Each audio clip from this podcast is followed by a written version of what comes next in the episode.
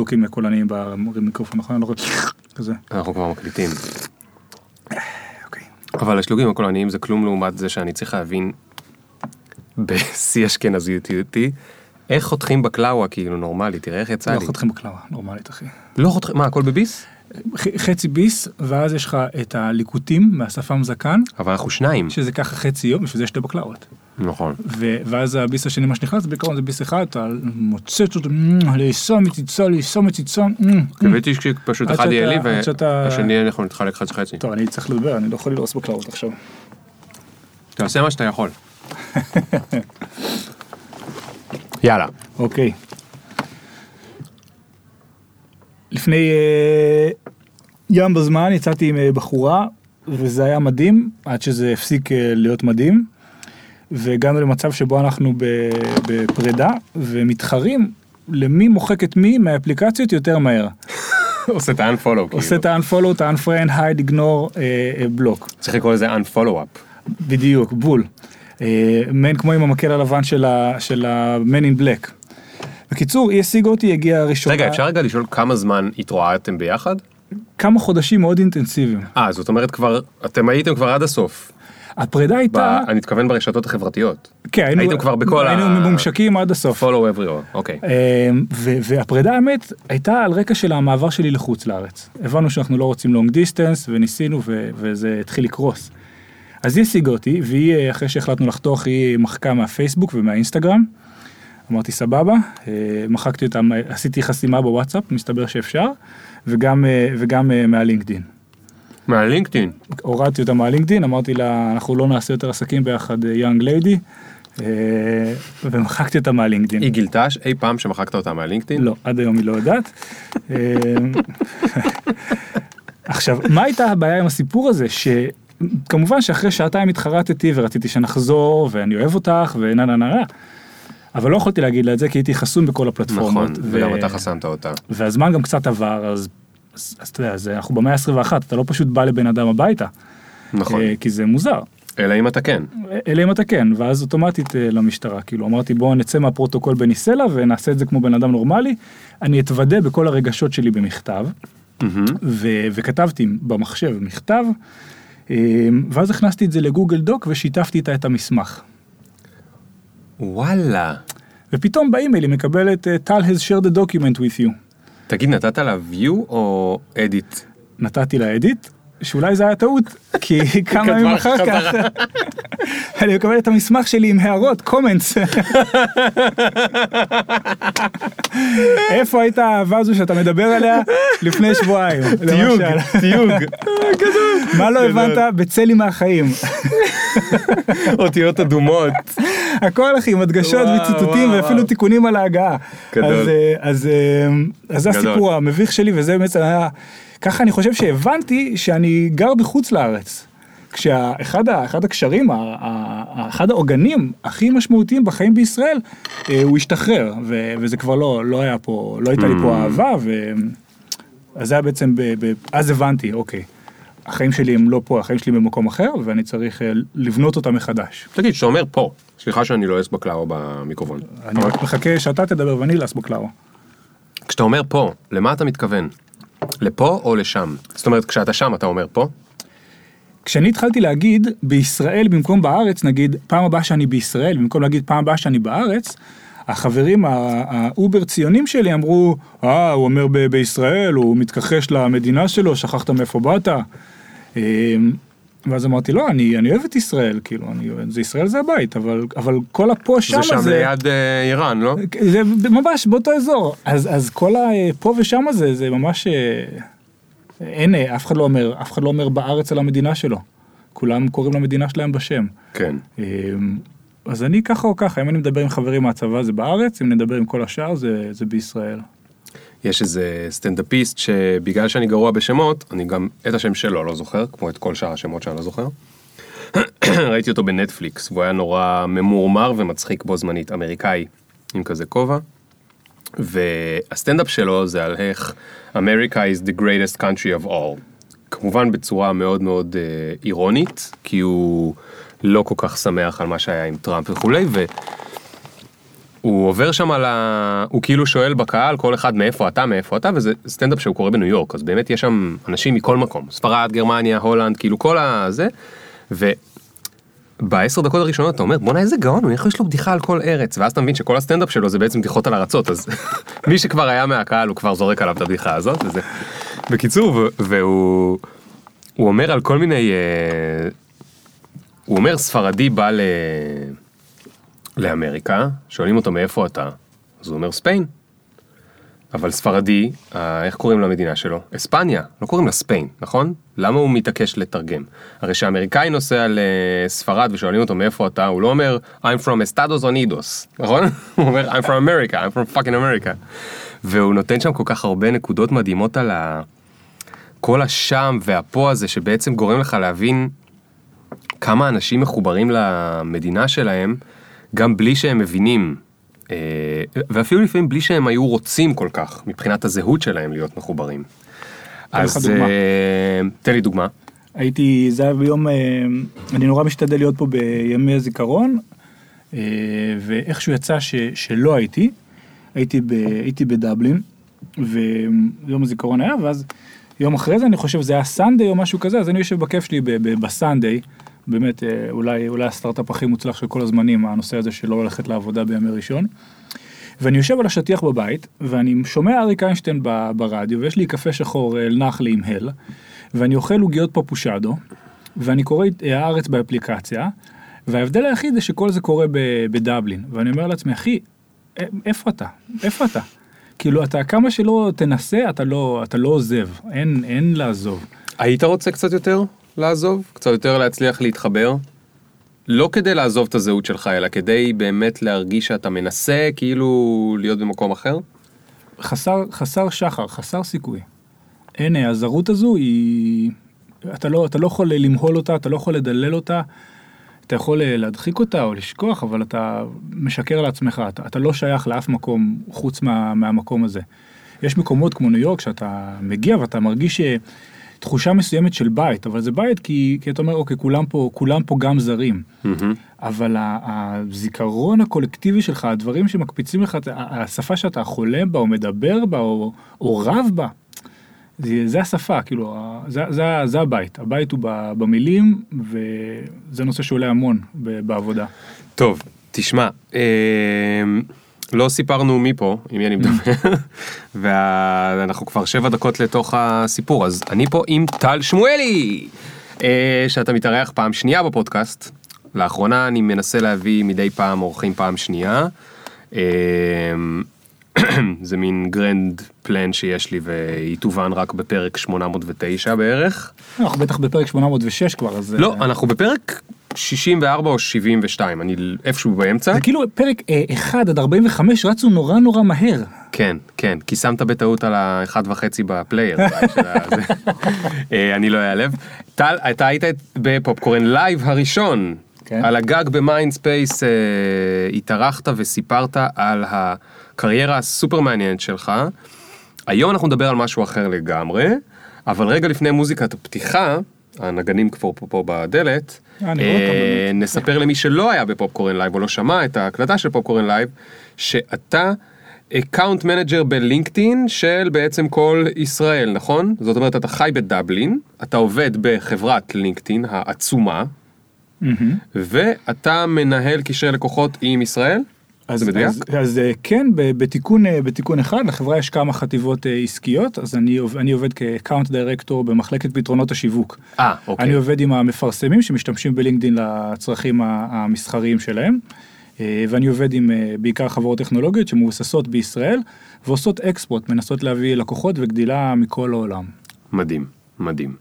אז uh, היום אנחנו לא נעשה משהו דומה לפעם שעברה, היום אנחנו נדבר בייחוד על איך זה להיות ישראלי שגר בחו"ל ועובד בחברה שהיא גם לא ישראלית, כי יש הרבה ישראלים שעוברים עם הסטארט-אפ שלהם או עם איזשהו אה, סניף של הסטארט-אפ לחו"ל, אז אתה גם עברת לחו"ל, אבל אתה גם עובד בחברה שהיא לא ישראלית.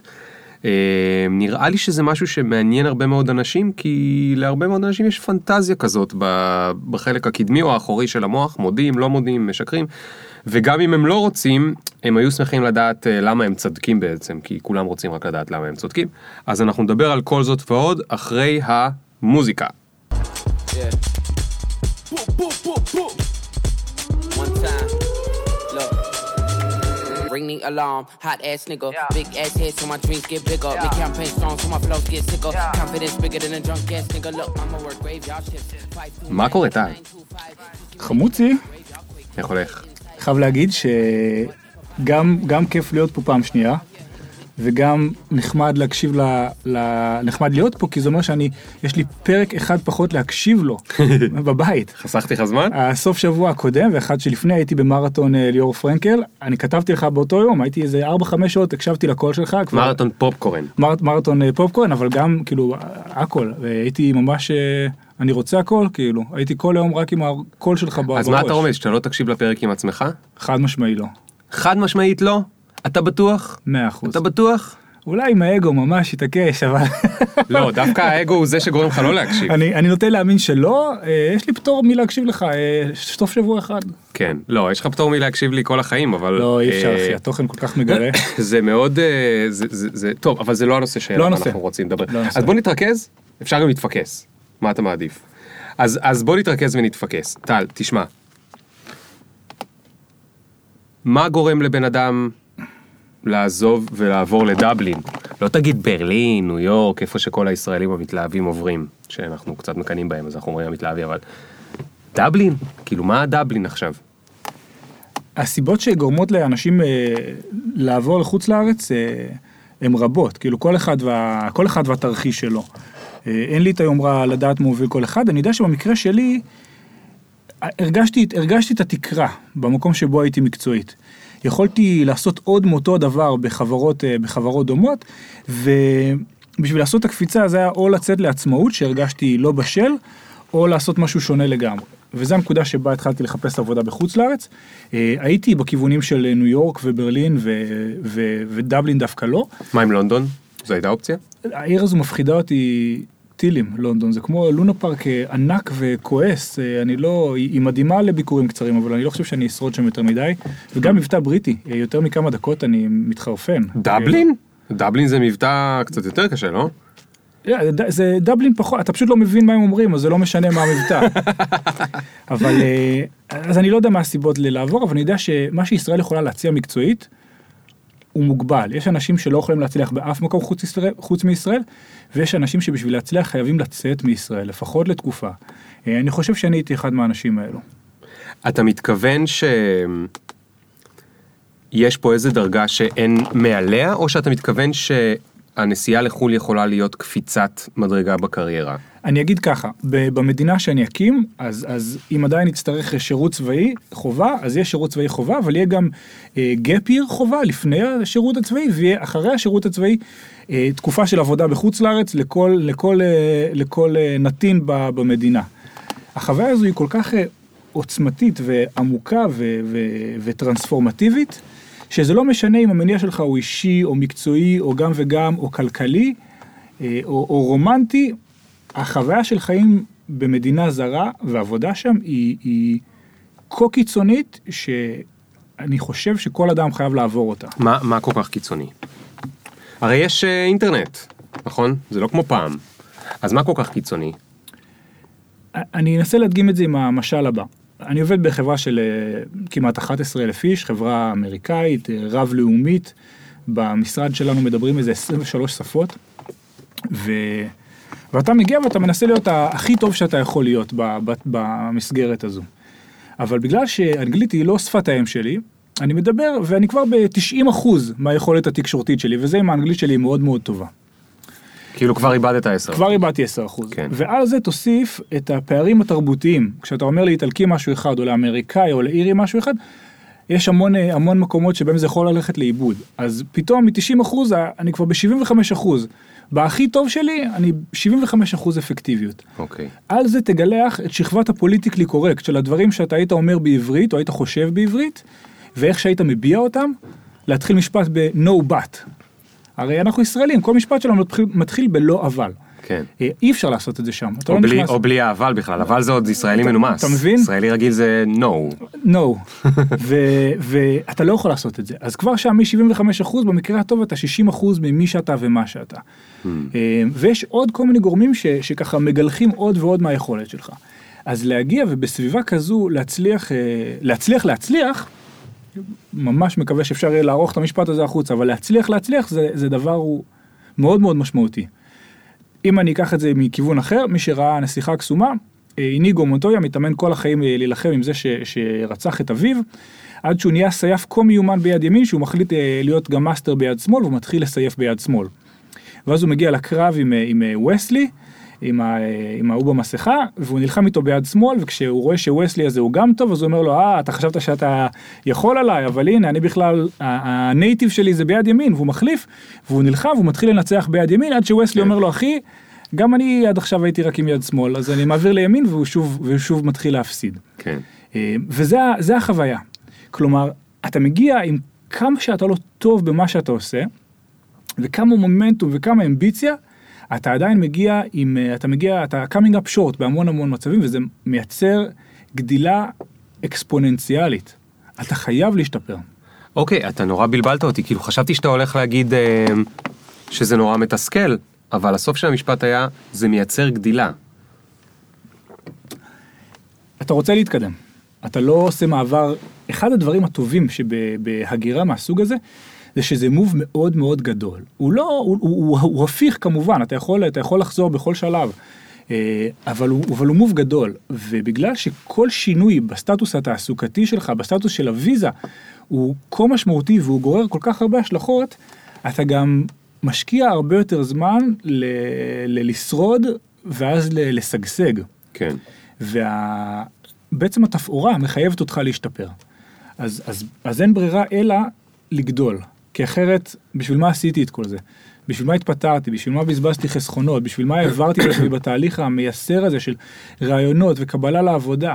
אה, וגם לוקח המון זמן להבין אם זה מתאים לך או לא מתאים לך. השנה הראשונה היא, היא, היא איפשהו היא... כמה זמן אתה שם?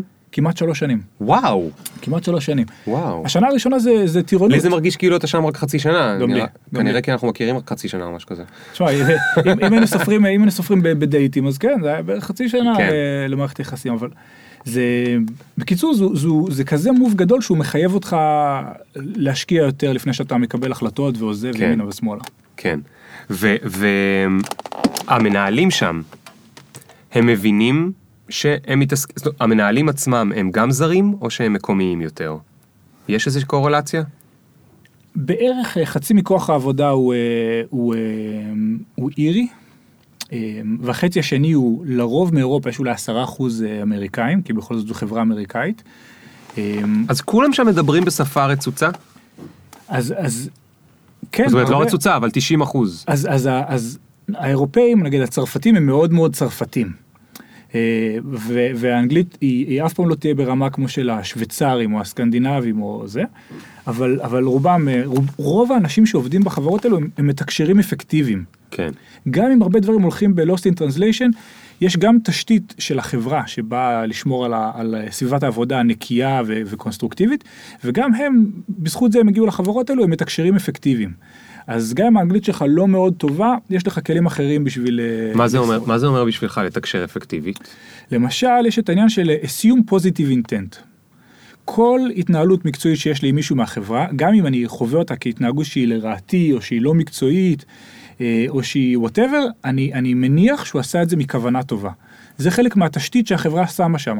אם מישהו Mm. כתב לך מייל כועס, זה לא כי הוא כועס עליך, זה כי הוא נורא, הוא נורא passionate לגבי הדבר. אה, אז כל הזמן assume positive intent. אבל זה, אבל זה תופס במציאות? כי זה נשמע, אתה יודע, אפשר ל... ש- ש- לחשוד בזה שזה בולשיט, כאילו... uh, what do you mean? כאילו, לא, not all people are have נכון. a positive אז, intent. אז אתה הולך ל- למנהלת שלך ואתה אומר לה, קרן, תשמעי, אה, זו וזו, Listen, קרן, listen, listen. listen, you know. אה, היא עשתה לי ככה וככה, וזה קרה ככה וככה, והיא תגיד, טוב, טל, קודם כל בוא נניח שהכוונה הייתה טובה, מה יכולים להיות המניעים לדבר הזה? ואז אתה כן. מתחיל לחשוב, אה, אולי איזה לקוח חשוב, אולי אתה בלחץ של זמן, ואומרת, כל הדברים האלה יכולים, אני מציע שתלכו ותלבנו את זה ביניכם. אתה חייב, יחזירו אותך למגרש ויגידו, לכו, לכו תפתרו את זה, ו... ואתה הולך ואתה מנסה. ואתה אומר, אה, את יכולה לספר לי מה היה שם, ככה אני חוויתי את זה וככה את חווית את זה, ואין ברירה אחרת. למנהלים שם אין זמן לטפל בך, אז אתה חייב להיות מסוגל לפתור את הבעיות האלו בעצמך, או לפחות לחיות איתם. כן, טוב, תשמע, אני רוצה רגע, לפני שאני ממשיך לחפור בתוך העניינים עם המנהלים וכולי, אני רוצה שנייה לחזור למקום האישי. מה, מה עשית ביום הראשון שלך בדבלין, כשנחתת, אתה זוכר? בטח. ההחלטה הראשונה שקיבלתי כש... לפני שעברתי, הייתה איפה אני לוקח דירה, דירה זמנית, לחודש הראשון, עד שאני מוצא בית אה, משלי, ולקחתי דירה שהייתה מאוד קרובה לחדר הכושר שהיה נראה לי הכי, הכי מתאים לי. זה היה אה, פרמטר מספר אחד? פרמטר מספר אחד, כי ידעתי שאני צריך חיים מחוץ לעבודה אם אני רוצה להישאר בדבלין הרבה זמן. אם אוקיי. כל החיים שלי יהיו אנשים שאני עובד מולם, אין שום סיכוי שאני, שאני אשגשג אישית ו, ו, ורגשית, אז הדבר הראשון שעשיתי היה לשים את הדברים, את כל שתי המזוודות והארגז של האופניים, לרדת לחדר כושר ולהגיד שלום, הגעתי. הם היו אדישים לחלוטין, אגב, כן, לא עניין אותם שהגעת. ממש לא התרגשו. והתאמנת? התאמנתי, והיום זה המשפחה. ואתה כזה רץ על ה... רצ- רצת, מה אתה עושה? זה חדר כושר? של אה, קרוספיט, אז אנחנו, אה, אה, אז הרמת צמיגים, אנחנו מזיזים ונכנסת ברזלים למערות. ממקום למקום. כן, וגררת כן, אה, אה, כן. נשים מהשיער. בדיוק, בדיוק. ותוך כדי שאתה כן. עושה את זה, אתה מסתכל הצידה ואתה אומר לעצמך, אה, טוב, אני צריך להתרגל לדבר הזה עכשיו, כי זה הולך להיות הנוף שלי, וזה, אני, אני כאילו, אני בטוח שעשית את זה, אבל מה התגובה? התגובה היא, זה מרגש אותי, או זה מבאס אותי, או למה עשיתי את זה בכלל, או אחר. החלק הראשון במעבר לכל מקום חדש זה סקרנות מאוד מאוד טבעית אתה מנסה למפות את הטריטוריה שלך מחפש את הבית קפה השכונתי את הקולנוע את הספרייה את החנות דיסקים את המסעדה אה, אז אז החודשים הראשונים לפני שאתה מבין אם משהו בסדר או לא בסדר זה גישוש. אתה יודע, זה כמו היציאה הראשונה מהמלון בטיול לחו"ל אתה אתה מלא באופטימיות לגבי מה, ש, מה שטומן לך העתיד לפעמים זה מתממש ולפעמים זה לא. אז ככה זה מרגיש שזה חצי שנה. אה, פתאום דברים ש, שבעבר היו, אה, היו נורא רחוקים, הם, הם נורא קרובים, לא יודע, Urban Outfitters, אתה יודע, בישראל אתה, אין Urban Outfitters, אתה מגיע לברלין, אתה קונה גם דברים מכוערים רק בגלל שהם מהחנות הזו, ופתאום זה נמצא שתי דקות הליכה מהבית. אז בהתחלה אתה אומר איזה כיף, וואו, שיחקתי אותה, אני מדהים, כן. אני יכול לקנות בגדים יקרים מדי של Urban Outfitters כל יום עכשיו. כן. ההתפכחות מה, מהדבר הזה היא השלב, ה- השלב הקשה, השלב שבו אתה מבין, "או, אוקיי, אז פה זה החיים שלי, אתה מפספס את היום הולדת של החבר, ואת החתונה של החברה, ו, ואתה מקבל תמונות בארוחה משפחתית בבית, ופתאום יום שישי אתה מסיים שבוע עבודה ואתה רוצה לשבת עם חברים לאכול, אבל ההוא נסע לחברה בפריז, והוא בכלל בנסיעת עבודה, ופתאום אתה קולט ש... ש אתה לא יכול לשכפל את החיים שיש לך בישראל במקום אחר. הם, כן. הם יהיו שונים לחלוטין. אז מה אתה עושה? אז אני זוכר שאני, בפעם הראשונה שזה קרה לי, כמה שבועות אחרי שהגעתי, אני מגיע ואני עובר על החמישה שישה אנשים שהכרתי ואני מנסה לעשות דינר פלנס, ואירופה, כולם כבר מתוכננים כמה שבועות קדימה, מדהים, אבל אני קולט שאין, גם ה Rolodex שלי הוא מאוד מצומצם וגם אף אחד מהם לא יכול, אז אני מגיע הביתה ואני אומר fuck, המקרר ריק, רק עברתי לדירה הזו, עדיין הכל מריח מאקונומיקה, ונכון, אבל יש לך יתרון, אתה לפחות, כאילו, אתה רווק. נכון. זאת אומרת, אתה יכול להגיד, אה, יאללה, בוא נלך לחפש את העיר, כאילו, לא יודע, אני אלך לשתי בירה, אולי מישהו יושב לידי, אולי מישהי תשב לידי, כאילו, אולי יהיה אקשן. כן, אז, אז גם קר, גם אני לא שותה, וגם אם אני אשים את זה בעדינות, אני ונשים איריות לא מסתדרים. אמ, אולי יש שם גם, אה, דבלין זה עיר, יש יש שם גם פייסבוק וזה, לא? נכון? כן, כן, זה היה לפני שלוש שנים, זה היה קצת פחות מפותח ממה אה. שזה היום. אבל אני יושב שם ואני אומר, אוקיי, אז אין לי אף אחד בעולם, ואין לי אוכל במקרר, ואני אפילו עדיין לא מצאתי את המסעדה הסינית שאני אוהב את הטייקווי שלה. ואני זוכר את עצמי מסתכל על הבית הריק, שומע את הקלק של, ה, של המנעול של הדלת שנסגרת מאחוריי, מהדהד כזה בדירה הריקה, ואז אני אומר, אם זה הכי גרוע שרילוקיישן מרגיש, שישי בערב, אתה לבד, זה זה זה, אז יהיה בסדר. ואז אני מחפש ב Yelp איפה לאכול, ואני מוצא מסעדה סינית שנקראת Starry Night, אה, מוסד מאוד מאוד אקסקלוסיבי, אני מזמין עוף בלימון, באמת מגיע עוף בריח של, אה, של, אה, של מלבין אסלות. ו... שיש בו לימון. שיש בו לימון, ואני שופך את הרוטב הרדיואקטיבי הזה, ואני אוכל אותו בחשכת חדרי, ו... ואני אומר, אוקיי, אני, I can do this shit. אתה כל הזמן, אתה, אתה, אני לא ידעתי את זה עליך. אתה חי בקונפליקטים. למעלה על הבמה עם כל הקהל אני לא שמתי לב לזה, אבל עכשיו זה כבר הפעם השלישית שאתה אמרת לי משהו, והסיום היה הפוך. כאילו אתה מתאר לי משהו שאתה יודע, אני כבר נהיה עגמומי, אני כבר מתחיל, אני תכף זולקות לי דמעות, ובסוף אתה אומר, וזה יהיה בסדר, אז זה לא כזה נורא. כאילו, אתה בן אדם מאוד אופטימי, אני מבין. ויפאסנה. ויפאסנה? ויפאסנה. מה? ספר לי על הויפאסנה. 11 יום של retreat, שבו אסור לך לדבר, איפה עשית? בבית זרע. בדרום? בצפון. בצפון. אה, בצפון? כן, זה היה כזה מושב זמני. ו... זאת אומרת מושב זמני. כאילו המושב קבוע, המושב של הוויפאסנה בתוך המושב אה, הזמני, סליחה. אוקיי. זה היה pop-up ויפאסנה. pop-up ויפאסנה. אז אה, זה זה חוויה טרנספורמטיבית. תסביר, כי הרבה אנשים לא יודעים מה זה. ויפאסנה זו מדיטציה, שמד... טכניקה מדיטציה שמתנהלת בשתיקה, אתה נודר אה, סדרה של נדרים במהלך הריטריט הזה, שתיקה של, ה... של הגוף, זאת אומרת בלי מחוות גופניות, בלי אה, קשר עין וכאלו עם הנוכחים, אה, שתיקה של המחשבה, אתה לא עוסק, ב... אתה לא עוסק בתורות רוחניות אחרות, יוגה או תפילה, אה, ושתיקה של הפה. ואומרים, הם אומרים שם ברגע שאתה מתחיל לדבר, אתה מתחיל לשקר. כי כל מה שאתה אומר, אתה אומר מהפרספקטיבה שלך, והוא בהכרח לא המציאות כפי שהיא. אז אתה הולך לדבר הזה, אתה אומר, וואי, לא לדבר עשרה ימים זה הדבר הכי קשה בעולם. השתיקה הייתה כל כך משחררת. אמ, זה, זה סייד נוט. מה שאתה, מה שאני לקחתי משם זה שהכל יעבור. אתה מפסיק להזדהות עם התחושות. אם אתה מרגיש נורא נורא טוב, אתה נורא רוצה לשחזר את ההרגשה הזו. המון מהסבל ב- בעולם אחרי פרידות, זה כי אתה מחפש את מה שהיה. כן. אבל מה שהיה לא ישוב. אמ, אז גם לטוב וגם לרע. גם רגש רע ו- ו- ואלים ושחור וקודר ועמוק כזה שאתה לא מדמיין איך תצא ממנו, אתה תצא ממנו. כאילו הוא יעבור, הרגש הזה יחלוף. כן. דווקא, דווקא, אתה תצא ממנו דווקא ב- אם אתה לא נתלה עליו. בדיוק, כי- ההתעלות היא היא מנציחה אותו והיא מגדילה את הסבל. וזה זה שיעור שאתה לומד בדרך ה- דרך המדיטציה מתי עשית את והוא נשאר אותי. הוויפאסנה? אני עשיתי אותה בפסח של 2000 ו... או 11 או 12 לדעתי. בן כמה היית? אה, הייתי בן 26 אני חושב, מעניין. משהו כזה. 26 או 27. ומאז אתה עדיין לקחת את הדבר הזה, זאת אומרת זה לא עזב אותך.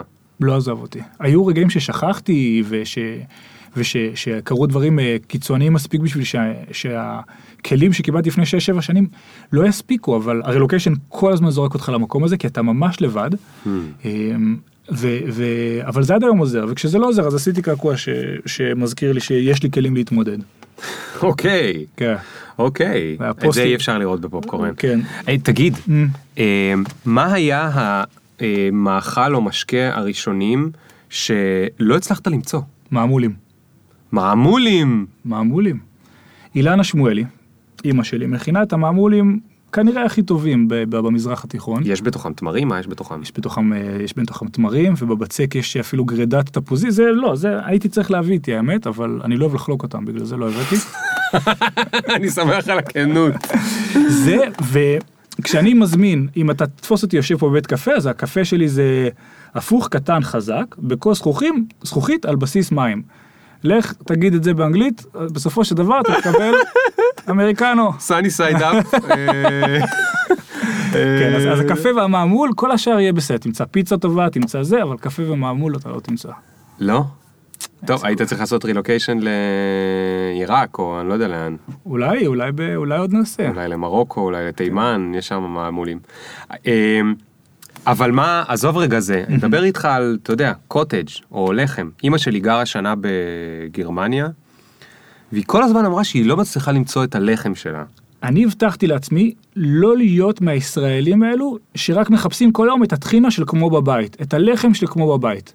אני מגיע למקום, אני רוצה לאמץ אותו, אני רוצה להיפתח אליו, בגלל זה בחרתי להתרועע עם אנשים שהם לא מהעבודה שלי. אה, בגלל זה אין לי סטוקים בבית של אה, קטשופ ושקדי מרק, ואם יש אז זה, זה לאורחים, או כשאנשים ש... או כשאני רוצה לחשוף מישהו לתרבות שלי, זה לא לשימוש עצמי.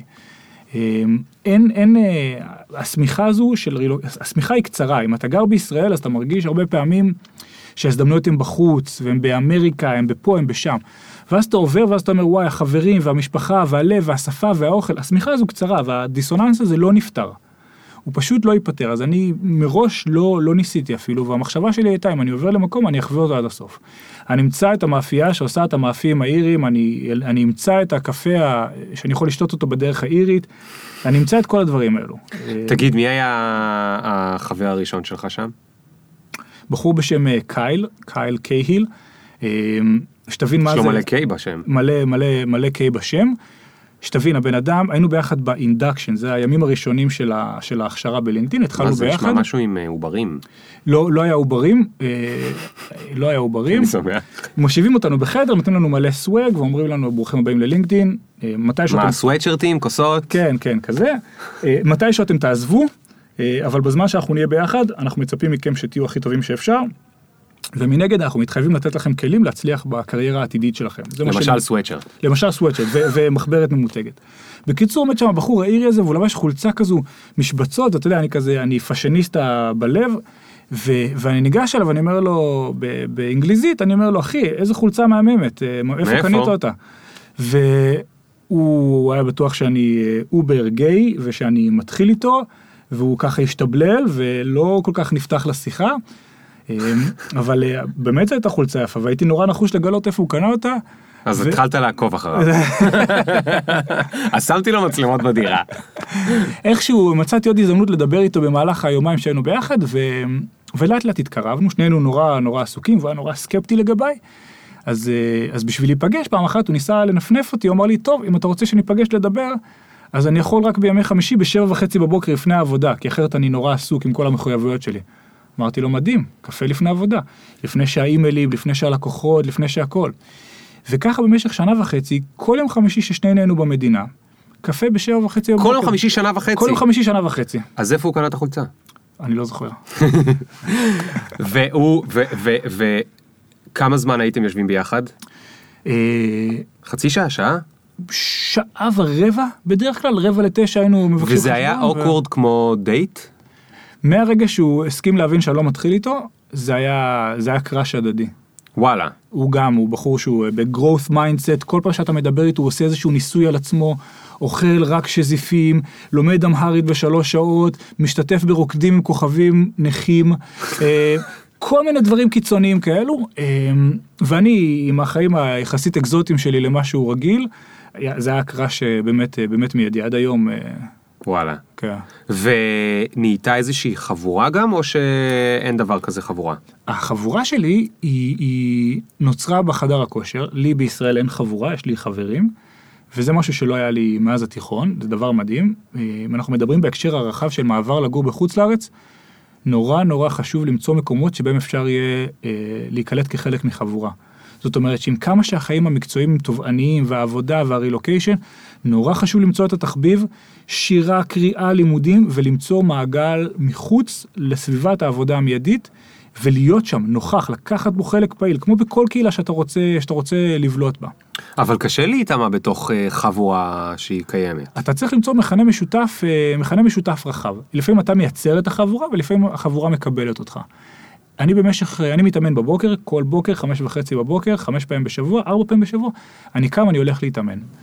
ואחרי חצי שנה... חמש וחצי בבוקר? כן, כן. אני חושש שמלא אנשים עכשיו כאילו סגרו את הרדיו.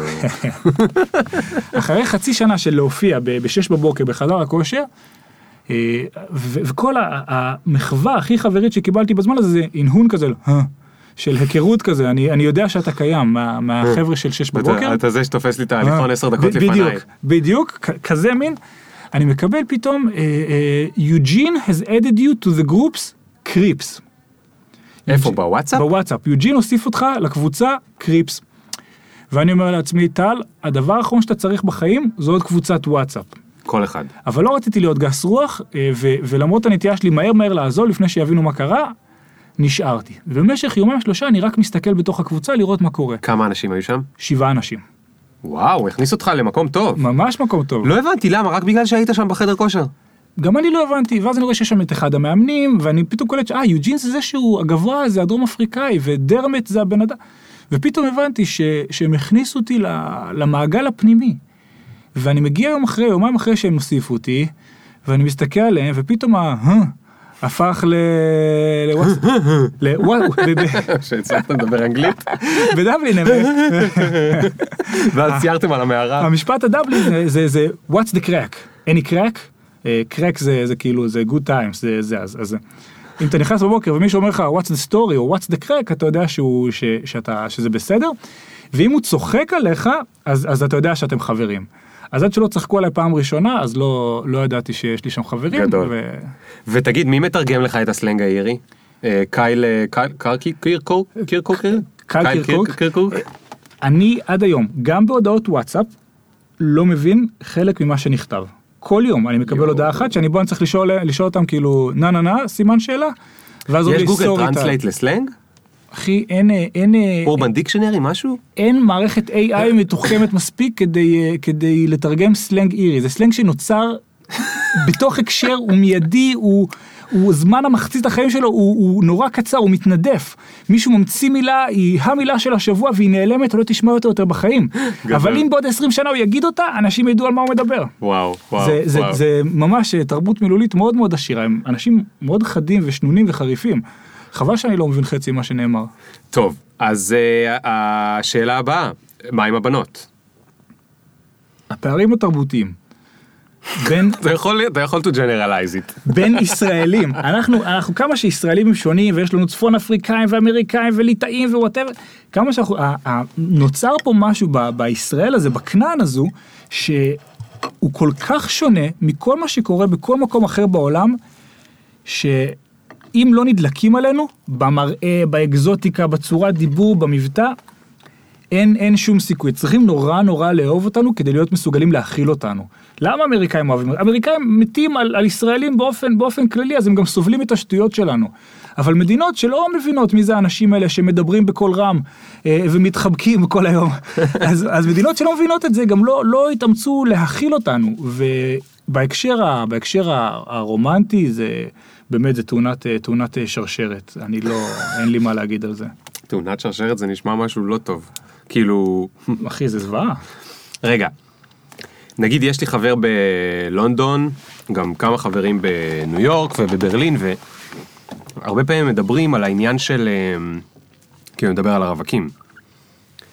אה, יש את המקומיים, להיכנס למערכת יחסים מקומיים, אבל יש, וזה יותר נפוץ, להיכנס למערכת יחסים עם זר אחר, או זרה אחרת מה... כן, מהאזור. כן.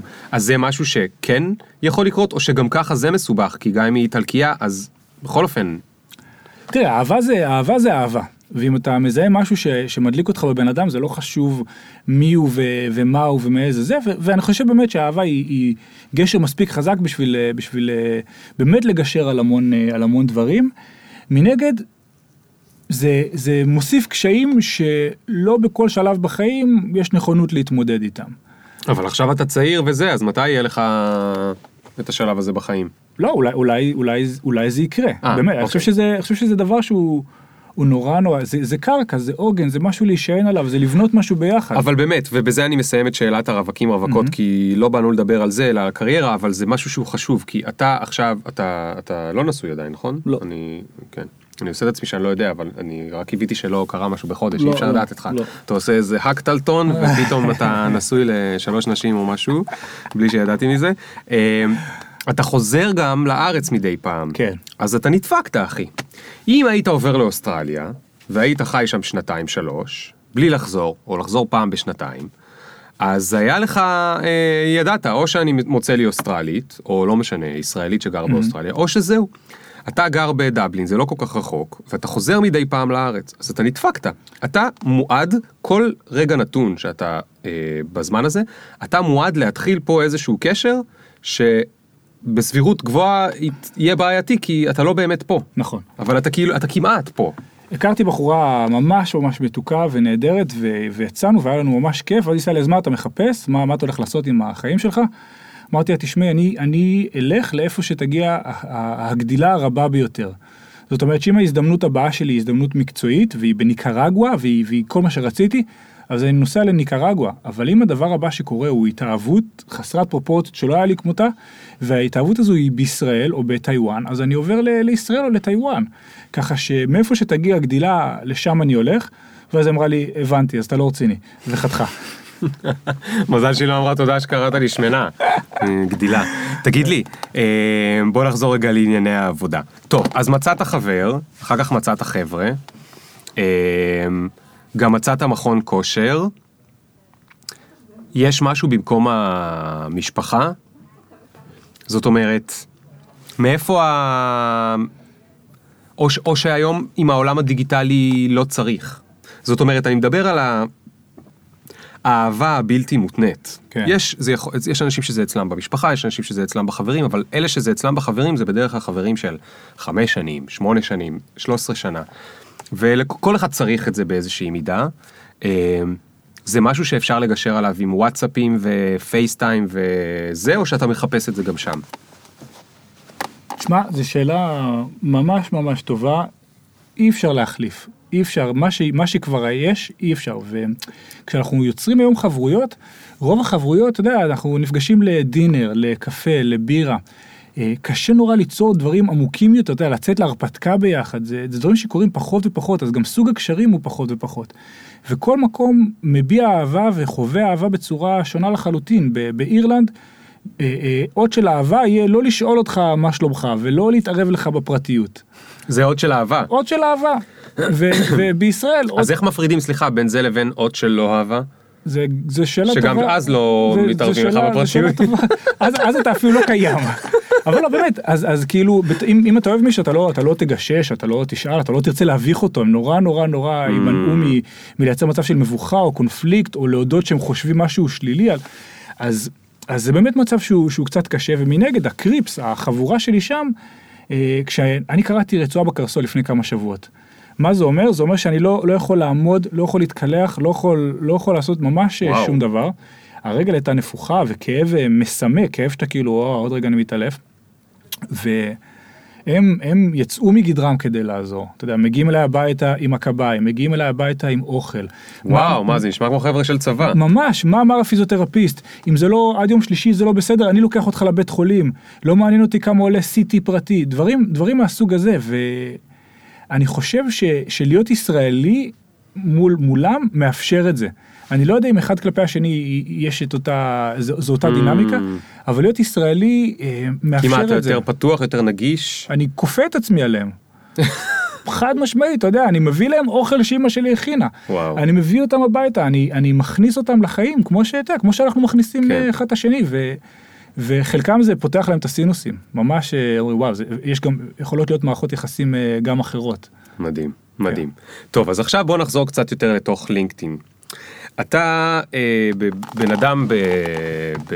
עכשיו אתה בן 33. שלוש. לקח לך רגע להיזכר. כי זה, התלבטתי אם לעגל כבר, למה זה תכף קורה? במאי.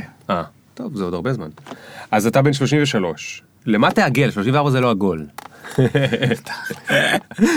לא, לא תגיד, אה, אני 39 הייתי עכשיו, אז אני תכף 40, אז זה, כבר עיגול. יוצא לי להגיד, אה, סתם, בשביל, אני מנסה לראות איך זה מרגיש, כאילו, אם אני חוטף דיכאון או משהו, בינתיים די משעמם.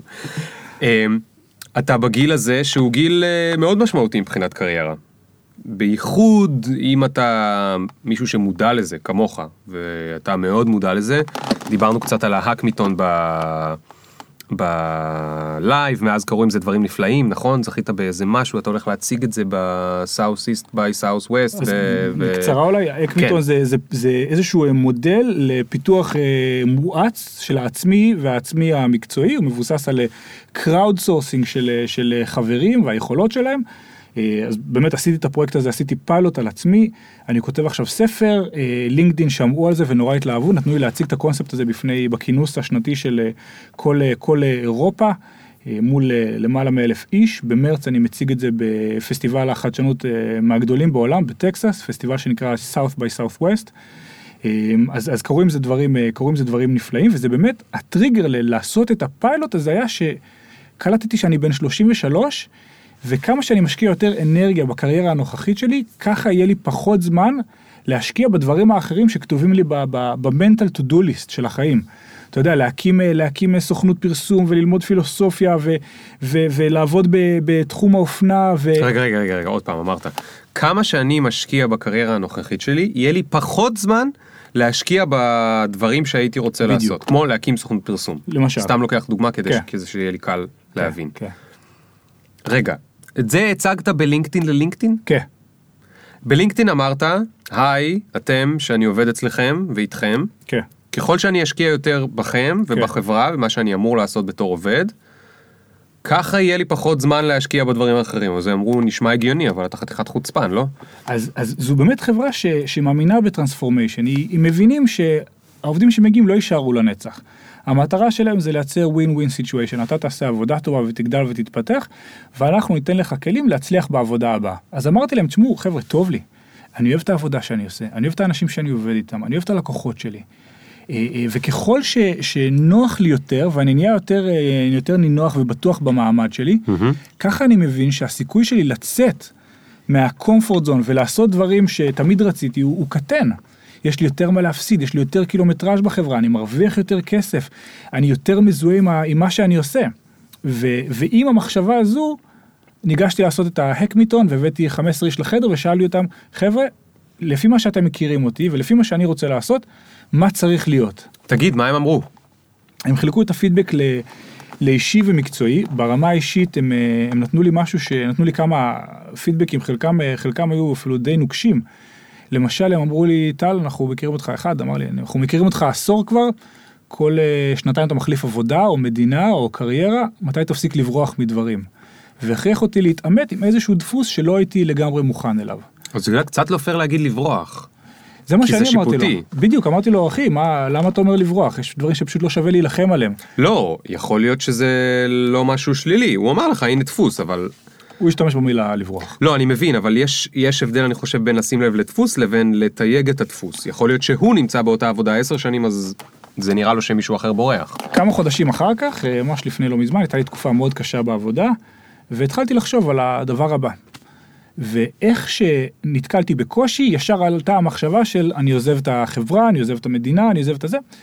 ותוך כדי שאני כותב בראש את מכתב ההתפטרות שלי, תגובה רפלקסיבית, אה, קצת פרימיטיבית, אבל הכל או כלום כזה, אה, איך שאני כותב את מכתב ההתפטרות בראש, פתאום מהדהד לי המילים שלו מההקמיתון, ואני אומר, היי, הנה הדפוס שהוא דיבר עליו. אז הוא לא היה צודק לגבי העשר שנים הקודמות, כי זה באמת היו דברים שהובילו לנקודה הזו, אבל, אבל עכשיו זה קשה, עכשיו זה כבר לעשות את המעבר, לקום וללכת עכשיו זה לברוח.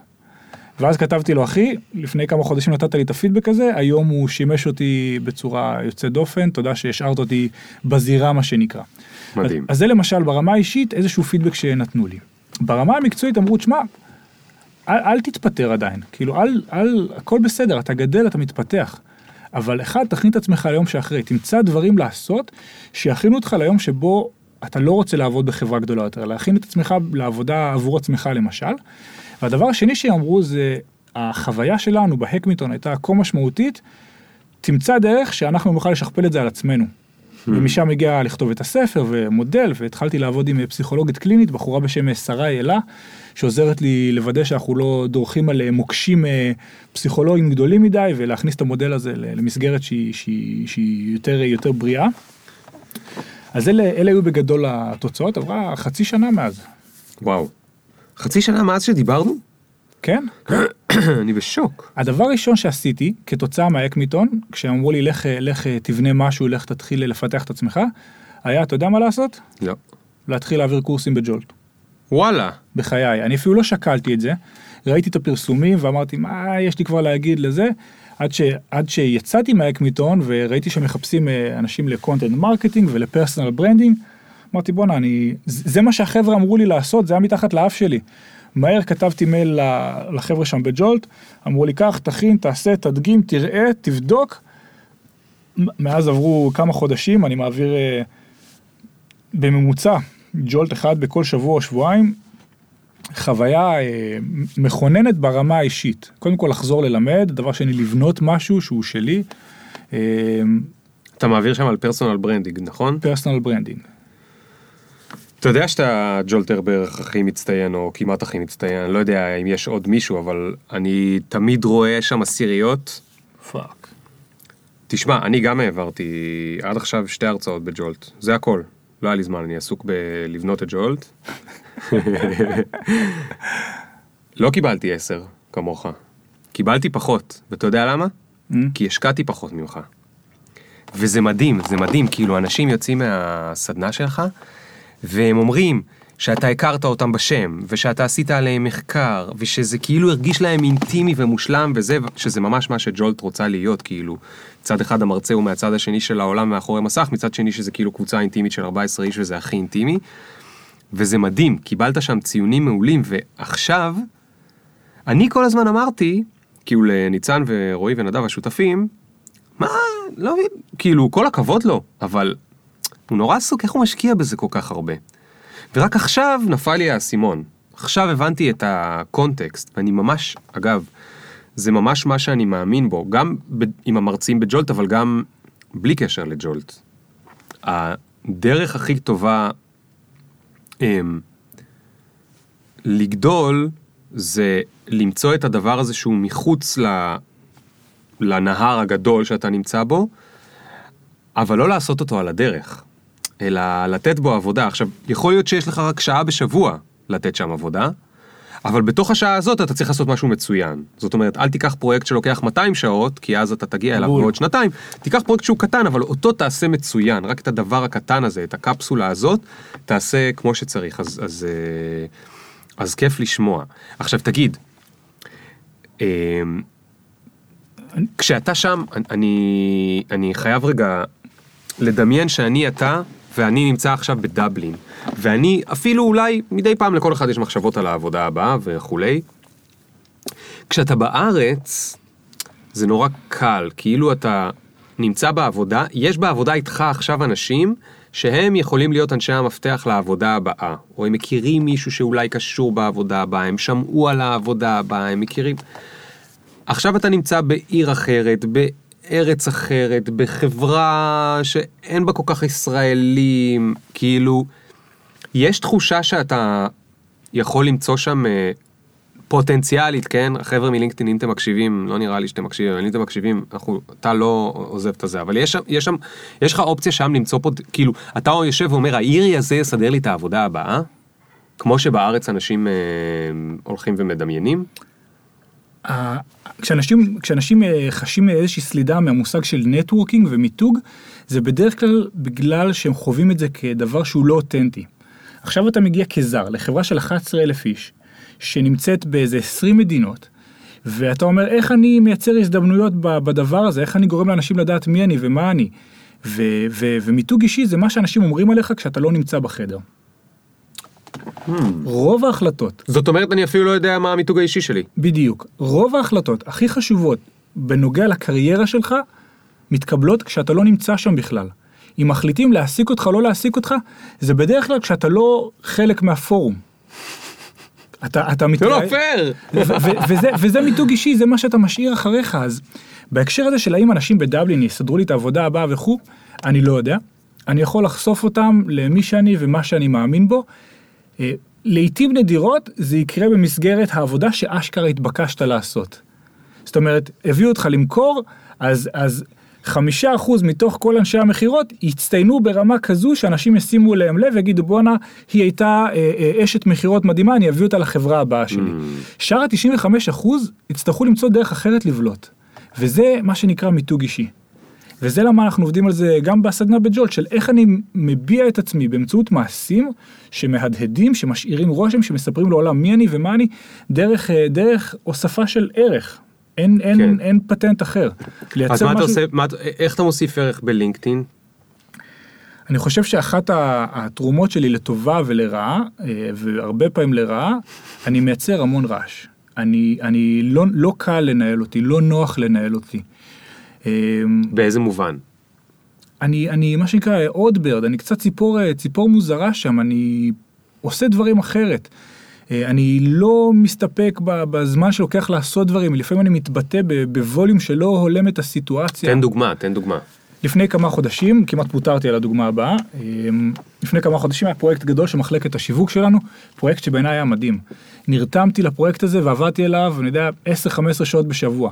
עם הלקוחות שלי, ניסיתי לעזור להם ופה ושם, ובאמת נכנסתי לזה בכל, ה, בכל הכוח, וכי האמנתי בפרויקט הזה. הפרויקט הסתיים, אה, הוא לא הסתיים כמו שחשבתי שהוא צריך להסתיים. זאת אומרת שהפידבק ללקוחות והפה והשם, זה לא היה ב- איך שציפיתי שזה יהיה. מה הכוונה? כאילו, אתה הרגשת שזה לא הגיע למאה אחוז? כן, הרגשתי ש, שהסגירה של זה לא הייתה הרמטית. אני חוזר מחופשת, אה, מחופשה, חופשה, חופשה או נסיעת עבודה, ואני רואה מייל שאומר, טוב, הלקוחות האלו והאלו לא זכו, נא להודיע להם. והייתי בהם במטוס, לא יכולתי לראות את ההודעה הזו עד אחרי ש... כמה שעות אחרי שנחתתי. פספסתי את הדדליין להודיע ללקוחות שלי, ואני אומר, בואנה, אחרי ששפכנו כל כך הרבה זמן, ושפכתי כל כך הרבה אנרגיה לתוך הדבר הזה, ככה הם, ככה הם גומלים לי עם מייל של אה, תודיע למאוכזבים. לא, לא סביר בעיניי. אז כתבתי מייל מאוד מאוד מאוד חריף, ואז אמרתי, בואנה אחי, אתה בלינקדאין, אתה לא יכול לדבר ככה, תן לזה 24 שעות לנוח, ויפאסנה וזה, תחזור למייל הזה רגוע. חכם. חזרתי למייל רגוע, הורדתי את כל המילים הקשות מדי, הוספתי את, ה, את השיט סנדוויץ', אה, בהתחלה אתם מדהימים ואני אוהב אתכם, בסוף אתם מדהימים ואני אוהב אתכם, ובאמצע את הפידבק שלי, ושלחתי אותו. למי? לא, לאותה, לאותה פונקציה במחלקת השיווק, שהייתה אחראית על הפרויקט. בעיניי הייתה אחראית אבל על אה, הפרויקט. עשית שיימינג? כיתבת עוד אנשים? לא, לא, לא. אוקיי. זה היה אני, אני והיא, אבל תדעי שלא הייתי מרוצה מ-1, 2, 3, 4, ובתנאים הנוכחיים קשה לי לדמיין את עצמי אה, משקיע את אותה מידה של מעורבות בפרויקטים הבאים. אה, היה גם איום קטן. קטן. קטן, אבל קטן, היה. היה. איך, אה, ווי, ווי, ווי, זה המילה בדבלין לקטן. ווי, ווי, אה, כאילו כמו ווי, קטן, לא חשוב. מה זה אה, ווי? ווי, זה המילה, W-E-E, ככה הם אומרים קטן. אה, Let's have a wee coffee, בוא נשתה קפה קטן. Small? כאילו... כן, small זה wee, וואו. אפרופו סלנג. ווי זה לא להשתין או משהו כזה? אולי גם. Hmm. אה, בקיצור, כתבתי, שלחתי לה את זה, עשרה ימים שקט מוחלט, ואז אני מקבל מן המייל, היי טל, תודה רבה על הפידבק שלך, קיבלתי את זה, אני לא לגמרי מסכימה, אבל תהיה לנו הזדמנות לדבר על זה. אמרתי, טוב, עשרה ימים. זה מוזר, יש לה הרבה אימיילים? זה, זה ממש מוזר. יושב בשיחה אחד על אחד עם המנהלת שלי, מסיימים את השעה, רגע לפני סוף השעה, והיא עושה לי, טל, אפשר לדבר שנייה אחת על המייל הזה ששלחת לגברת מהשיווק? אני עושה לה, כן. היא אומרת לי, איפה אתה חושב שאתה, שאתה שולח כאלה מיילים? אני עושה לה, סליחה? גרמת לה לבכות. גרמת לה לבכות. אני אומר, "מ- מה? היא אומרת, כן, היא קיבלה את המייל שלך והיא ממש בכתה, ממש פגעת בה, אז היא עשתה לזה אסקלציה ושיתפה את זה עם המנהל של המנהל שלה, ששיתף את זה עם הדירקטור שלנו, ששיתף את זה איתי, שאמר לי לדבר איתך על זה, כי אה, לא מדברים ככה אצלנו. גם בקריאה חוזרת של המייל, אני אומר, כאילו, חבר'ה, מה, כאילו, פידבק. אבל, אבל לא, לא, לא פידבק, יש דרכים לעשות הם כל לא היו דבר. בחיל אוויר. ו- והדבר הזה כמעט עלה לי בעבודה שלי. יצאתי מהחדר איתה ואני רואה את הדירקטור בזווית של העין והוא מסתכל עליי ככה קצת משועשע. כמה חבר'ה ניסו לתפוס אותי לשיחה, אני אומר להם חבר'ה אני חייב ללכת לדבר עם, ה- עם, עם ניקו, אה, I think I fucked up. ואז הם מסתכלים עליי ככה, טוב, ואז אני ניגש אל הדירקטור, אני אומר לו ניקו, הוא עושה לי כזה עם הראש כן, אני עושה לו I fucked up, נכון? הוא אומר לי כזה כן כזה עם פרצוף, בוא נשב לאכול צהריים ואנחנו יושבים ואני מסביר לו את הסיטואציה וכמה הייתי תקוע בה וכמה לא היו לי כלים לפרק אותה. והוא מושיב אותי שם ואומר לי ומה היית יכול לעשות אחרת ובמחשבה לאחור ואיך זה נתפס מהזווית שלה. עושה לי קואוצ'ינג על זה וזה הבן אדם כנראה הכי עסוק ב, ובכיר בצוות שלנו. והוא יושב חצי שעה כמעט 40 דקות ל- ל- to walk me through הסיטואציה הזו. ו- ו- והוציא אותי אמר לי כאילו אמר לי מה הוא חושב נתן לי כלים להתמודד.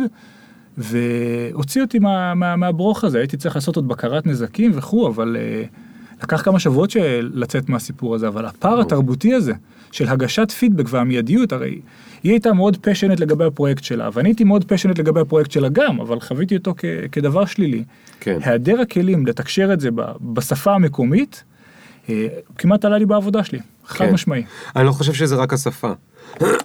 זה החוסר פחד שלך ל- להיות בקונפליקט. אני חושב שיש הרבה מאוד Mm. אה, תרבויות שבהם קונפליקט זה משהו שאנחנו נעשה הכל כדי פשוט לא להתעמת איתו. יש לטאטא מתחת לשטיח, לבלוע צפרדע, יש כאילו מלא מתודות איך לעשות את כן, זה, כן, כן. אבל אה, בוא לא נתמודד עם קונפליקטים, ו... ובטח לא אחרי שזה נסגר.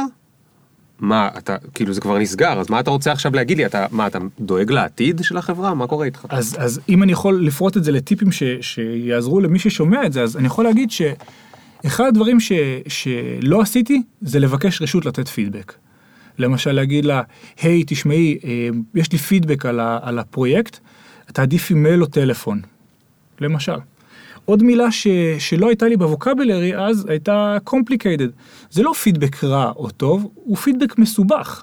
כי יש בו גם את זה וגם את זה. וגם כן. את המילה הזו לא היה לי, לא יכולתי להגיד לה, יש לי complicated message. אה, אמרתי לה שהיא טועה. עכשיו, למי אני אומר שהיא טועה? הבחורה שפכה פי עשר יותר שעות על הפרויקט הזה, ועבדה, ואין לי מושג באיזה סיטואציה היא נמצאת. במקרה הזה היא הייתה באיזשהו כנס של החברה בפריז, כן. ומנסה לענות על כל המיילים, והיא יושבת באיזה חדר קטן וחשוך עם הלפטופ על הברכיים, רגע לפני דדליין, ופתאום איזה בחור אחד שולח לה מייל ארסי, במובן שלה, והיא מקבלת את זה, והיא כבר בעומס של החיים, והיא מקבלת את הדבר הזה, אז, אז, היא, אז היא התפרקה. זה כן. לא כי המייל עצמו היה חריף בצורה יוצאת דופן, אלא כי פשוט לא היה לי מושג מה, מה החוויה שלה. היא התפרקה, מיד אסקלציה, ו, ו, ובאמת כמעט פיטורים, כי, כי החברות האלו, כל כך חשוב להם cultural fit, כל כך חשוב להם סביבת עבודה בריאה וספורטיב, שלא משנה כמה אתה תותח על דבר כזה, יש מעט מאוד uh, טולרנטיות. וואו, וואו. זה לא שהטרדת אותה או משהו כזה. אבל הנה, עובדה, גם אני לא כל כך מצליח להבין, וזה רק מוכיח שאנחנו לא מבינים אין לנו מושג. את, את, את, את, הדבר השני, כי זה, זה חייזרי בעינינו. אמ, וואו, וואו. תגיד, אתה ממליץ לאנשים לעשות את הדבר הזה? לעבור לגור ב... כאילו קודם אמרת את זה קצת אה, על הדרך, אבל עכשיו אנחנו, מאז דיברנו על כמה סיפורים. אתה ממליץ ואם כן, למה? תשמע, זו החוויה, ה- כלומר לעבור לחו"ל לעבוד. כן. זו, זו, זו חוויה משנת חיים. אם אתה אוהב את ישראל ואתה גר שנתיים בחוץ לארץ, אתה תדע כמה אתה אוהב את ישראל. אם אתה מרגיש תקוע בעבודה שלך, ואתה תעבור לחברה אחרת, ותעבוד בקנה מידה אחר ובשפה אחרת, אתה תבין בדיוק איפה התקיעויות שלך. אתה לא יכול לברוח מהדברים האלו, ואם אתה רוצה לקבל אותם בתנאי מעבדה כמעט סטריליים, תהיה מי שאתה במקום אחר, ואתה תבין בדיוק איפה הזרות שלך, ואיפה השונות שלך, ואיפה איפה הכוח שלך.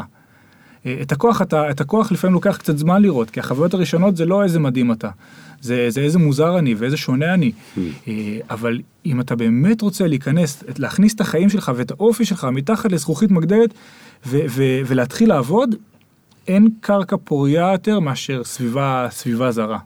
וואו, אתה ממש מבאס אותי. למה אחי? ככה, אני לא יודע אם אני אצא לי. שנתיים בחוץ לארץ. בקטנה אתה אומר. כן, אני אדבר עם הבוס. תגיד, זה בקטנה? כשחושבים על זה בגדול, כן, זה בקטנה. מה זה, מה זה שנתיים מ-80 שנים על הפלנטה? לא, כאילו יש את כל העניין של ה... יש מלא סידורים, לא? עזוב, מי שרוצה לעבור לחוץ לארץ ומחפש את הצ'קליסט, שלחו לי מייל, אני אשלח לכם את הצ'קליסט, אני אתן וואלה. לכם את הטיפים. חד משמעי, הכל כתוב וממוסמך, גם אם לא בצורה הכי מסודרת, כי עברו שלוש שנים, זה קיים. זה לוגיסטי וזה לוקח זמן ויש התלבטויות ויש הרבה סידורים שהם לא נעימים, אבל זה לא מסובך יותר מכל דבר אחר. תגיד, מה, מה למדת משהו טוב על החיים מהאירים? מה למדתי? תשמע, האירים הם, הם עם, אה, בטוח יש להם גם משהו טוב. הם, הם מדהימים. הם אנשים שהם כל כך קהילה אוריינטד, שאם אני מתחליט, מחליט היום להקים אה, עמותה, אה, לא משנה מה תהיה המטרה, האנשים שם יתמכו בי וייכנסו מאחוריי וישימו כסף וזמן בלי לשאול בכלל שאלות. וואלה. מאוד מאוד מאוד אכפת להם מהקהילתיות שלהם. וזה לא קהילתיות שהיא תחת דת? לא, לא, זה קהילתיות שהיא אולי יושבת על איזושהי תשתית אה, נוצרית כזו של, אה, של אה, ואהבת לרעך כמוך, יהודית, בזה, אבל, אבל שהם חווים אותה כ, כנוצרית, ואולי, אבל הם מאוד מאוד אכפת להם האחד מהשני, הם יודעים הכל אחד על השני, במובן הזה זה קצת כמו קיבוץ, אתה לא יכול לברוח, 4 מיליון איש על אי. אה, אתה, הם כולם מכירים את כולם, שמות המשפחה הם, הם מאוד מאוד אה, קל לדעת מאיזה שבט אתה, למה אתה כן. שייך, אז... עד אז לפני איזה 100 שנה הם כולם התחתנו אחד עם השני כן, ועם כן, אחותם. כן, כן, לא, לא, נעים, לא נעים להגיד, אבל אתה עובר בטינדר, אתה רואה. אתה מזהה, אתה יכול לראות, זה אירי, זה לא אירי. אז, אז הם, בקטע הזה הם, הם מדהימים, הם ילמדו אותך להיות חלק מקהילה, גם אם אתה לא, לא מת על זה. זה מעניין, כי אתה לפני רגע אמרת שהם לא כל כך מתעניינים בחיים הפרטיים שלך. ואם אני, אם אני אפתח היום, אה, אם אני אעשה מחר מרוץ לגיוס כספים למען, אה, למען אה, בית החולים לילדים, כל החברים שלי, כולל כולם, יעשו לזה share בפייסבוק, בלי אגו של אני לא עושה shareים בפייסבוק. וישימו כסף ויפרסמו למשפחות שלהם, וואו. ויבואו, להת... בלי לשאול בכלל שאלות. אז זה דבר אחד. דבר שני, הם, הם עם קשוח. כמה שאנחנו חושבים שעשינו צבא ומלחמות וזה, כן. הם עם קשוח. אני מגיע לחדר כושר בשש בבוקר, ארבע שכבות. אתה רואה שם, וזה משל, אבל אתה רואה שם בחורות שנכנסות עם, עם שורט של ריצה, שאתה תראה אותם על הטיילת פה באוגוסט, ונכנסות כאילו זה, זה, אז מה אם קר? אתה יודע, מה, מה זה אז מה אם קר? אז שימו בגדים, אין, כן. אין סיבה, כאילו הם כאילו, יש להם איזושהי טולרנטיות לסבל שהם חווים אותו כאולי לפעמים כמו, כמו איזה מצב אה, בלתי נמנע. כי הרבה שנים הם היו קצת כמו הפלסטינאים, כאילו הם היו מוכים ו... כן, הם חיו- חיו תחת כיבוש הנחיתו עליהם בריטי. כל הזמן אה, כן, זה. כמעט איזה 800 שנה תחת, חיו תחת אה, כיבוש בריטי ועם אה, תסביכי נחיתות, וזו מדינה שהחקלאות שלה היא די מצומצמת. במשך שנים הייצוא והיבוא היה מאוד מאוד מוגבל. אה, בגלל זה, כשאתה חי בישראל ואתה יוצא ממנה, אתה מבין כמה מה שקורה פה הוא חריג. מה שקוראים לה הישות המופשטת הזו של ה ecosystem, היא, היא, היא מטורפת כמה... איזה ecosystem? רגע. ה ecosystem הנוכחי שלנו פה בישראל, אה. הוא, הוא חד פעמי. אז אמנם באירלנד אתה נכנס לבר, ואתה לא יודע מי עשיר, מי עני, מי זה, אתה לא יכול לזהות אותם. אין, אין כמו פה, אתה הולך למנזר זה טיפוסים אה, מסוימים, וכולי עלמא זה טיפוסים אחרים, ואין את זה שם, אתה לא רואה. הברים הם שכונתיים, הם קהילתיים. אתה הולך לבר השכונתי שלך, ו, וזה מייצר איזושהי סוג אחד של קהילת- אני זוכר קהילתיות. שהבנתי, סליחה שנייה, אני זוכר שהבנתי, דווקא זה היה שהייתי בסקוטלנד, אבל זה בטח אותו דבר, את ההבדל בין בר לפאב, שאחד זה כאילו לשתות מאוחר אלכוהול וזה, והשני זה כאילו המשפחה מגיעה, זאת אומרת שותים גם בירה, אבל בול. אבא בא והילד בא והילדה באה והאימא, house. יושבים, זה כמו, זה תכל'ס זה diner, פשוט שותים בו בירה כן, ולא מיץ. פאב, public house, אנשים באים לשם, אתה יושב שם ויש שם, אתה קונה צ'יפס ואתה רואה את המשחק והילדים מסתובבים. אה, ושם שם הקהילה, הקהילה נמצאת. זה חוויה, ש, למשל, שלא התחברתי אליה. אני לא שותה, אני לא אוהב מוזיקה בווליום גבוה, אני לא אוהב, אה, לא אוהב אה, לדבר, ב, ב, אני לא אוהב את הסביבה עם, עם הרבה גירויים. אז אני, לקח לי המון המון זמן, אני לא יוצא, פשוט לא יוצא שם למקומות האלו, וזה נורא עיכב את, ה, את היכולת שלי אז להיטמע שם לאיפה בחברה. אתה כן יוצא שם?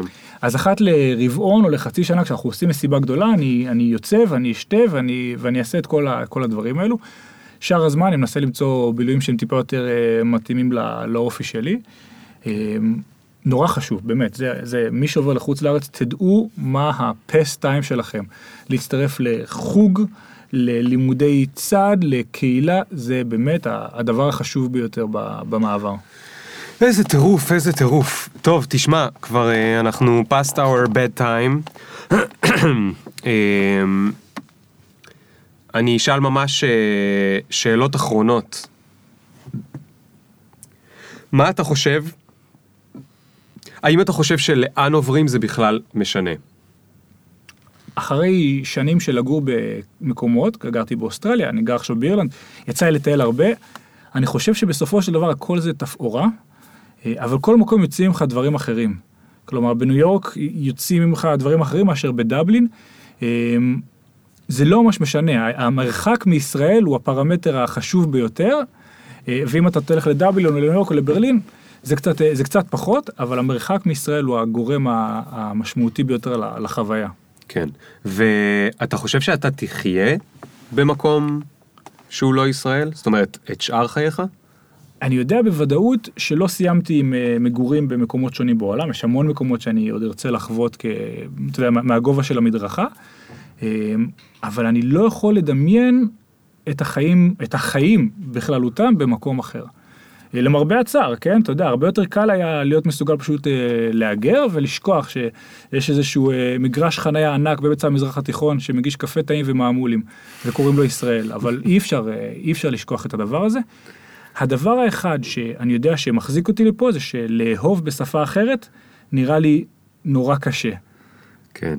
כאילו להגיד אה, אני אוהב אותך או להגיד I love you זה שני דברים שונים לחלוטין שלא לדבר בכלל על ביטויים אחרים מחדר המיטות כן. שאני פשוט באנגלית מרגיש אידיוט. והומור, הומור הוא גם מאוד מאוד שונה. ההומור שלי שם אני נחווה כמוזר על גבול האקזוטי אך משעשע. פה אנשים קוראים לזה מצחיק שם מסתכלים עליי ב, כמו קצת כמו בספארי כזה קצת. של אה, great success טל, המון המון המון תודה על השיתוף והכנות. אני לא יודע, זה, זה מעלה הרבה מחשבות, זה היה דווקא אה, שימח אותי איך שהפרק יצא, כי הוא היה מאוד אמביוולנטי. לא אמרת רק דברים אה, חיוביים, לא באת פה בתור איזשהו אה, אוונגליסט של צד אחד או של הצד האחר, לא ביאסת לגמרי, גם לא דחפת לגמרי, אה, אמרת שזה משהו שהיה כדאי לעשות, אבל הסברת גם את, ה... את ההבדלים, וכל הכבוד לך באמת שאתה עושה את זה, כאילו, ואתה... אני חושב שהסוד פה שדיברת עליו הוא האופטימיות, ויכול להיות שאנשים עם פחות אופטימיות, זה יהיה להם יותר קשה. אה, אולי כדאי להם לעשות ויפאסנה, או עוד כל מיני דברים אחרים שיכולים לזרז אופטימיות. אה, אפילו לא אמרת דברים נוראים מדי, ואפילו לא, כאילו, אפילו לא אמרת דבר אחד, ועם זה אני אסיים, אני חייב להוציא ממך. מה כשאתה נמצא שם אתה אומר, איזה כיף, כי אין כזה בישראל. כאילו לא משהו חומרי, אלא אה, כאילו... work life balance. אני אחזור על זה, כי בישראל המונח הזה הוא לא קיים. work life balance. החוויה של להיות מסוגל לעבוד נורא קשה ולהתקדם ולהצליח ולהיות עם קריירה משגשגת, ומצד שני לחיות חיי פנאי עשירים, עם זמן להתאושש מהיום ולהחלים ולחוות את התחביבים ולהיות חבר ולחקור. בישראל הימים ארוכים ונמתחים ואתה לא יכול לברוח מאף אחד ומשום דבר לשום מקום. ובדבלין אתה יכול לחיות את הדו-קיום הזה, ובאמת אה, בחיי רווחה נפשית מאוד מאוד גדולים. אם יש דבר אחד שמפחיד אותי בלחזור לישראל מתישהו, זה לאבד את זה, את ה-work-life balance הזה. מדהים. או שתחזור לפה ותעזור בשינוי. אני מאוד מקווה שאם אני אחזור, וכשאני אחזור, אני אהיה מספיק חזק ו- ומספיק אה, מעוצב כבר כדי להצליח שלפחות בסביבה המיידית שלי הדבר הזה, הדבר הזה יישאר. טל, מלא מלא תודה. תודה לך. Something like my dick is hit it when they mention. Did you get my mentions? Question: Do you even fuck with a nigga like me? Will you want me in about three days? Really? IDC. Cause every time a nigga talk, they can't see the big up picture. Fuck your filter. Me can't go run, but me can't repeat. No.